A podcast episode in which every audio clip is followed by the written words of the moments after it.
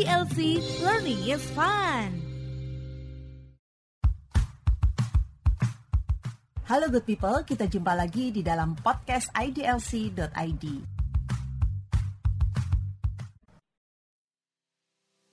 Halo good people, jumpa lagi dengan saya Glena dalam podcast Ngopi Hukum IDLC.id.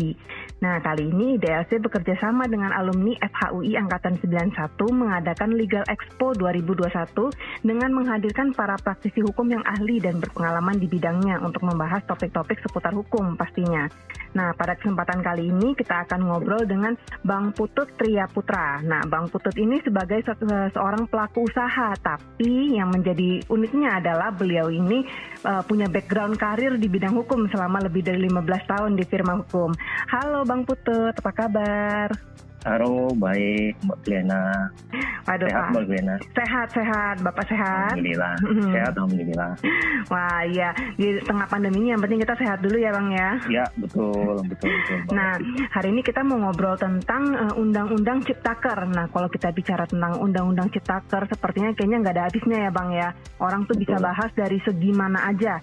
Nah, berhubung Abang ini adalah eh, pelaku usaha, kita mau bahas dari segi eh, kemudahan berusaha nih bagi para pengusaha. Nah, menurut Bang Putut, apa sih kemudahan-kemudahan yang Abang dapat nih selama berusaha dengan adanya Undang-Undang Ciptaker ini? Hmm, Oke. Eh, jadi kalau kita ditanya apa kemudahannya, mungkin saya harus bandingkan dengan apa yang terjadi sebelumnya gitu ya. Iya, benar. Kita harus ada before after Kerja gitu ya, Bang ya. Betul. Eh, kalau saya senangnya membuat eh, versus gitu ya. Jadi Mm-mm. kalau saya ada beberapa mengenai eh, versus saya sebelumnya dan setelahnya begitu ya.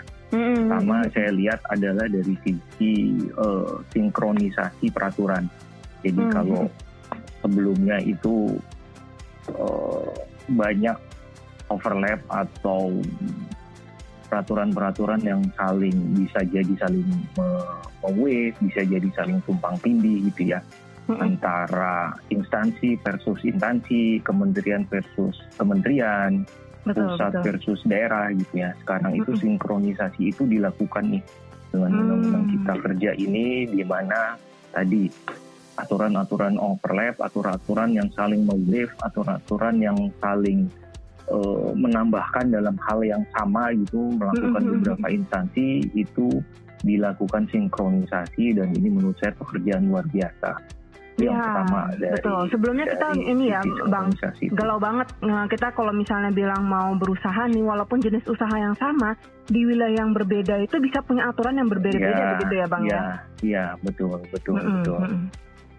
Itu yang pertama dari sisi sinkronisasi ya, saya lihat. Kemudian yang selanjutnya setelah sinkronisasi itu dilakukan secara aturan tertulis begitu, kemudian ada yang namanya kalau saya bilangnya adalah eh, perizinan multi versus perizinan single atau tunggal gitu ya.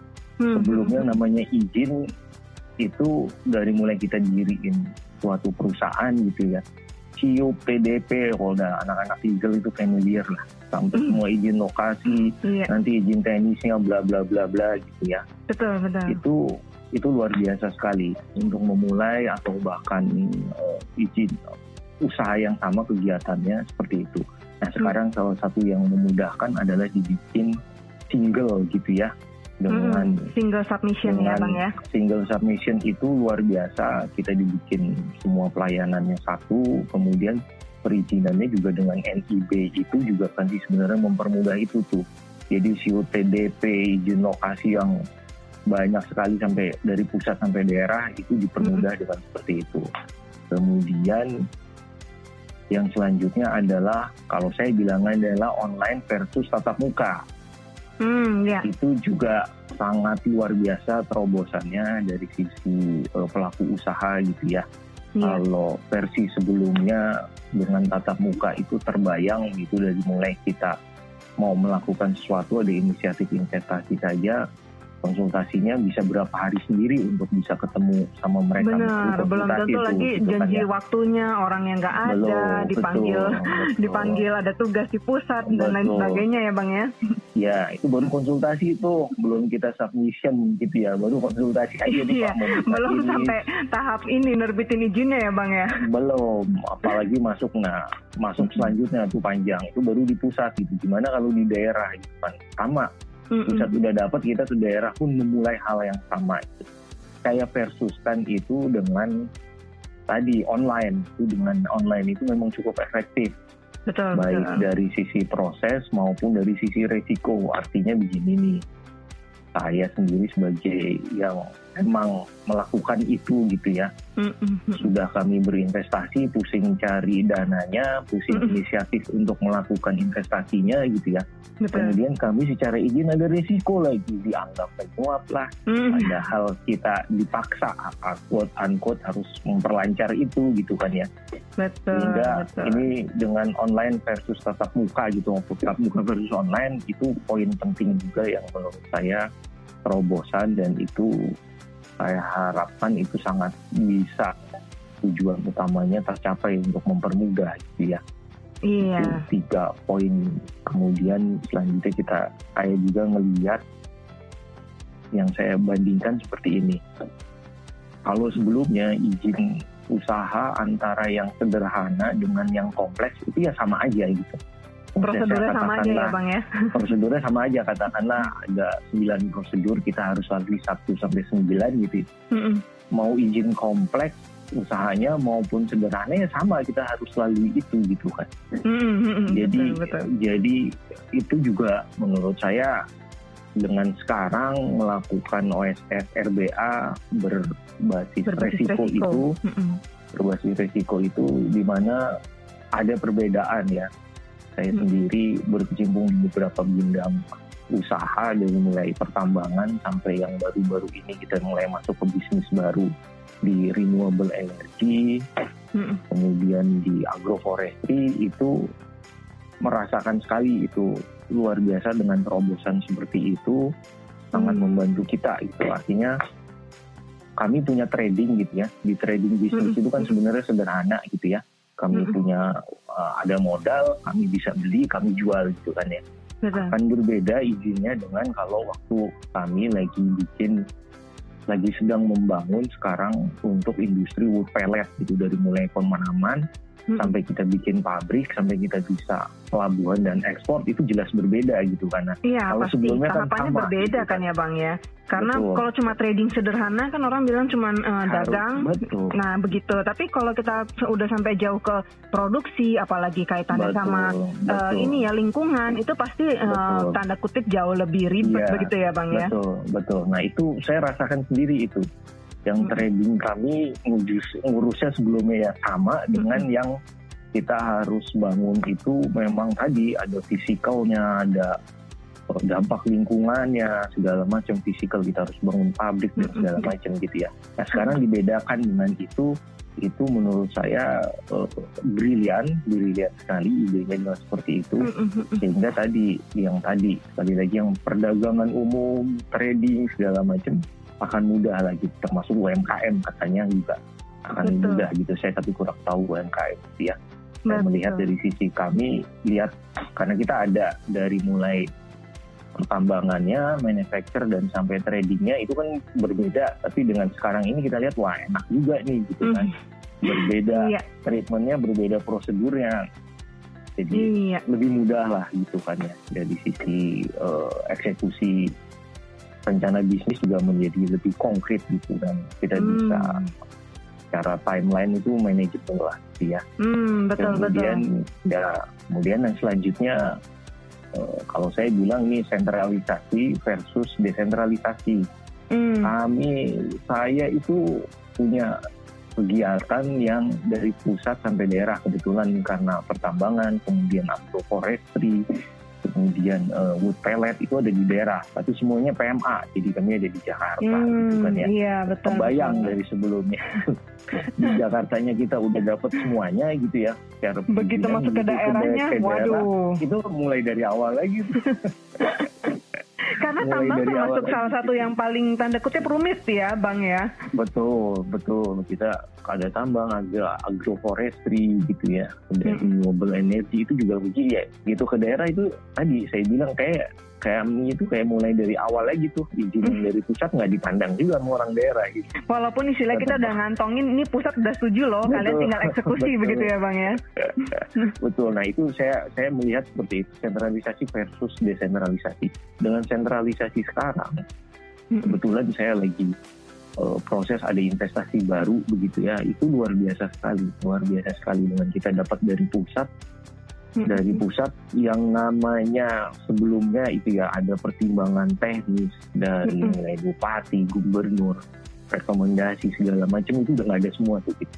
Kita hmm. udah begitu dapat dari pusat di daerah udah tinggal koordinasi aja, nggak ada lagi sifatnya tadi timbangan hmm. teknis, rekomendasi atau apa pun itu sehingga memang pekerjaan atau realisasi investasi itu bisa lebih cepat tuh.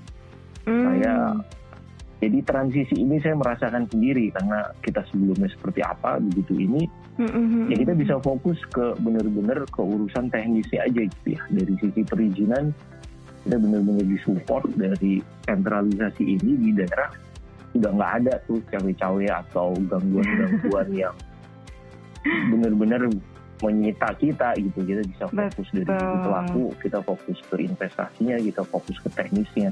Hmm. nah itu seperti itu. Kemudian dari sisi uh, pengawasannya nanti selanjutnya pelaporannya juga akan seperti itu. Dengan sentralisasi ini terutama di bisnis yang kaitannya dengan natural resources ya. Baik tambang maupun forestry agroforestry itu kan uh, berkaitan pasti kegiatan usahanya ada di daerah dan di daerahnya di remote area lagi gitu kan ya. Mm -hmm, Bayang lah gitu kan. Nah ya, itu belum lagi di sana udah, belum ada koneksi ya Pak, ya Bang ya. Waduh itu lagi gitu Listrik gitu aja ya. kalau belum masuk dan juga repot juga ya iya, Bang ya. betul, kita kan akhirnya semua nyediain sendiri gitu kan. Nah, mm -hmm. itu sangat terbantu sekali sehingga begitu kita datang ke daerah itu udah kayak apa namanya ya udah lengkap lah kita ter hmm. fully equipped gitu ya tinggal hmm. hmm, hmm. ngomongin teknisnya aja kita bangun investasi kerjain gitu kan ya udah bener-bener full support ya bang ya gitu. betul dan sentralisasi hmm. itu menurut saya uh, karena kami PMA lebih banyak investasi hmm. memang dari pusat itu sangat terbantu sekali termasuk tadi masalah pengawasan pelaporan juga dengan terpusat dan online itu koordinasinya lebih mudah lah. Hmm. Seperti itu sih. Iya iya iya. Kalau bisa dikatakan berarti sebenarnya ya bang ya kalau dari cerita pengalaman hmm. abang ini itu uh, apa yang kata yang kata pemerintah mendukung usaha supaya lebih uh, cepat ya uh, percepatan usaha ya, itu benar-benar ya. kelihatan banget ya bang ya terasa banget ya bang ya. Jujur saya uh, saya merasakan itu dan uh, mungkin perspektif pelaku usaha dalam hal ini saya sendiri pengalaman gitu ya secara pribadi ya ini luar biasa gitu ya memang terasa sekali untuk pelaku usaha dengan undang-undang cipta kerja jadi cipta kerja kan berarti harus ada investasi untuk ada investasi harus ada modal Iya. Untuk ada modal kan harus ada pelaku usaha gitu kan ya. Iya tentu. Nah, perspektifnya seperti itu gitu. Nah itu mm -mm. saya kami sih merasakan sendiri itu luar biasa dan ya kita harapkan masih ujung-ujungnya kan nanti kita menciptakan lapangan kerja gitu ya. Iya betul. Kemudian ada beberapa yang juga saat ini kita lihat cukup uh, terobosan dan menurut saya kreatif gitu ya. Karena kebetulan itu di bidang yang yang saya lakukan juga. Ada beberapa kementerian yang di dalam uh, PP-nya spesifik perizinan teknis di kementerian mereka mereka bikin yang namanya satu izin itu multi usaha gitu. Hmm. Jadi izin itu satu izin bisa beberapa usaha terkait gitu. Hmm, ya. Jadi asal saya, sepanjang udah megang izin ini, segala bidang usaha yang terkait dengan izin ini, uh, hmm, ini ya udah langsung betul, uh, otomatis betul, diizinkan betul, begitu ya bang ya. Kalau dulu kan enggak ya hmm, bang ya. Per, per istilahnya per KBLI kalau kita bilang per satu-satu ya, itu kita harus ya, ngajuin ya. izinnya ya. sendiri begitu ya bang ya. Hmm, hmm, hmm, hmm. Jadi itu di, di, di di agroforestry atau di forestry industri gitu hmm. itu sebelumnya satu izin yang benar yang tadi Mbak Gena bilang satu izin ya satu kegiatan satu izin satu kegiatan satu izin gitu ya aduh rumit sekali gitu padahal kegiatannya sendiri itu sebenarnya masih terkait dan bahkan Betul, saling terkait bahkan secara eh, bisnis tidak mungkin operation. terlepas gitu ya bang ya. Iya, iya. Dan itu menurut saya multi usaha spesifik. Saya Mm-mm. memang udah ada aturannya itu di kehutanan, multi usaha kehutanan itu luar biasa terobosannya dan dan saya mengalami itu sendiri karena memang kita lagi banyak inisiatif-inisiatif Mm, di mm, mm, Grup. Indika, di agroforestry, di renewable Mm, mm, mm, energy itu terasa tuh kecepatan itu tuh kita rasakan sekali dengan multi usaha ini. Wow, Hmm, kita wah, bisa dapatkan keren deh. itu bisa dapatkan itu dengan dengan bidang-bidang yang menurut kita memang itu secara bisnis dan teknikal itu dilakukan dalam satu rangkaian gitu dan Hmm. terkait gitu ya. Iya, iya, Jadi iya. multi usaha multi usaha itu terobosan yang luar biasa dari sisi eh, pelaku usaha gitu ya. Mm-mm. Dan saya harap sih tidak hanya di kehutanan ya, nanti kementerian yang lain juga bisa melakukan Ngikut seperti itu ya. dan itu betul betul kreativitas seperti itu Mm-mm. menurut saya akan sangat mendukung sih dengan tujuan undang-undang cipta kerja ini gitu sih. Betul, betul. sih Jadi Glena ya. Iya, kalau bisa disimpulkan ini ya Bang ya, eh, bisa dibilang UU Ciptaker ini sekarang tuh udah eh, istilahnya bukan eh, NATO lagi, no action Ya, only, begitu ya Bang ya. Jadi betul, sekarang betul. action seketika eh, apa kita punya ide bisnis, kita Mm-mm. bisa punya flow-nya Ya, dengan ya. baik, otomatis Ya, eh, ya. di- bisa langsung kita jalankan nanti perizinannya nggak rumit begitu ya Bang ya. Kalau dulu kita harus lah. Iya izin semua dilengkapin semua, jadi orang belum mulai kerja aja udah lelah dulu gitu ya Betul. izin begitu ya Izin bang ya. bisa dua tahun sendiri itu sampai kita bisa ngelakuin eh, tiang pancang pertama gitu kan. Sekarang Betul betul. pengalaman saya sendiri gitu luar biasa gitu bisa cepat Hmm. sekali begitu. Padahal ini masih transisi gitu ya. Tapi mm-mm. apa namanya mode-nya sendiri, mode-nya sendiri pemerintah udah seperti itu gitu ya. Jadi Wah. saya harap sih itu sih. Ke depannya semoga makin sukses terus ya bang ya, makin berjalan Ya. dengan lancar ya bang ya Cuman, pastinya ya. cuman memang kita ada beberapa concern nih ngelihat Hmm, karena ini kan undang-undang yang super gitu ya. Ya. Undang-undang yang super dengan inisiatif dari pemerintah khususnya Mm-mm. presiden di periode keduanya ini gitu kan ya. Iya. Ini luar biasa. Nah, kita tapi pelaku usaha kan nggak ngelihatnya satu dua tahun nih ya investasi kita aja ngomongnya biasanya 5 sampai IFS 10 tahun ya itu bang ya. bisa kami ada proyek yang proyeksinya itu 30 tahun 60 Wah. tahun gitu kan ya. Jadi Waduh, kita ada waduh. beberapa concern nih terkait kemudahan atau undang-undang kita Hmm, gimana ini tuh bang? gitu ya. Yang pertama kita lihat seperti ini tadi ke- kita perlu yang namanya secara aturan sinkron gitu ya. Pelaksanaannya juga harus sinkron benar-benar antar interdep gitu antar kementerian, antar pusat daerah gitu ya, antar instansi gitu ya. Itu pelaksanaannya juga harus konsisten sesuai dengan aturannya gitu. Kadang-kadang memang spiritnya oke, aturannya oke, pelaksanaannya itu tidak seperti itu atau Di lapangannya ya lah. bang ya. Ya, Pada saat Itu pelaksanaan eksekusinya betul. nggak nggak se nggak sejalan sama ketentuan tertulisnya begitu ya bang ya. Betul, dan itu itu mudah-mudahan sih dengan ketegasan pemerintah yang sekarang itu bisa benar-benar di eh, Kita pangkas lah ya yang begitu betul begitu ya bang ya. dan manageable lah ya, di manage Mm-mm. sedemikian rupa gitu. Hmm. Kemudian itu kita lihatnya adalah peraturan versus prakteknya gitu kan harus Ya. konsisten dong gitu kan. Benar. Sementara kitanya sendiri dari pelaku usaha eh, sangat komit gitu kan karena Mm. kita sekali maju nyeburin dana itu Nggak, kan nggak sedikit ya bang ya. ya nggak sedikit dan nggak bisa Komitmen ya. mundur tuh gitu Iya. nggak bisa mundur karena kita juga punya komitmen-komitmen di belakang Betul. itu gitu kan Betul, financing betul. dan segala macam gitu ya Betul, kemudian betul. yang ketiga catatan kita adalah kesiapan aparaturnya sendiri baik kesiapan aparatur karena kita lihat kan sekarang dengan manual versus online nih gitu ya Mm-mm. aparaturnya sendiri nggak boleh gagap teknologi tuh Hmm, iya. Kalau Kadang-kadang sering banyak dibilang kendalanya. Aduh, kita eh, masih ada kendala jaringan gitu ya, bang ya. ya itu itu catatan kita juga tuh infrastrukturnya harus juga mensupport gitu Mm-mm. OSS RBA ini udah bagus tapi supportnya itu kebayang pak saya ingat baru beberapa hari setelah OSS itu kami dikumpulkan tuh pelaku usaha di bawah Mhm. asosiasi dengan langsung Pak Menteri sendiri Menteri Investasi dia bilang mohon maaf semuanya udah oke tapi sistem kita belum nih. Sistemnya belum Maksudnya siap. kan, Waduh. Maksudnya, dan ini Pak support kita secara ICT, mohon maaf nih kalau ribuan gini menjalan proses, ya pasti akan ada uh, lag-nya dia bilang. Nah ini Pak yang kita takutin gitu kan. Semuanya udah bagus secara konsep, uh, itunya sendiri nggak mendukung gitu infrastruktur Mm-mm. plus persiapan apa kesiapan si aparaturnya sendiri melaksanakan itu gitu ya. Iya, betul betul. Pengawasan sudah online, laporan kami sudah online gitu ya. Bahkan Mm-mm. kami di pertambangan itu Mm-mm. sudah bikin sistem di internal kami link dengan laporan online ke Kementerian Energi dan Sumber Daya Men- Sumber Daya Hmm. Mineral. Wah, jadi Udah udah online itu. semua ya, nggak usah Oh, pakai paper lagi ya semuanya ya. Betul, sudah menurut saya luar biasa itu terobos. Nah, Hmm. aparaturnya sendiri harus siap itu baik secara mental maupun skillnya gitu ya jangan sampai akhirnya Nah, ujung-ujungnya nyiapin Kak, submissionnya online tapi dia tetap minta pak dikirim dong pak Iya. dikirim apanya kita itu, udah itu bener gitu banget kan. tuh bang, bener banget. Kita bilang ini katanya dong. online, tapi kok tetap suruh ngirim fisik tetap sih gitu ya. physical gitu kan kayak itu Bener-bener. kan gitu kan ternyata mereka sendiri pak kami nggak bisa bacanya pak Iya, kita nggak bisa buka nih.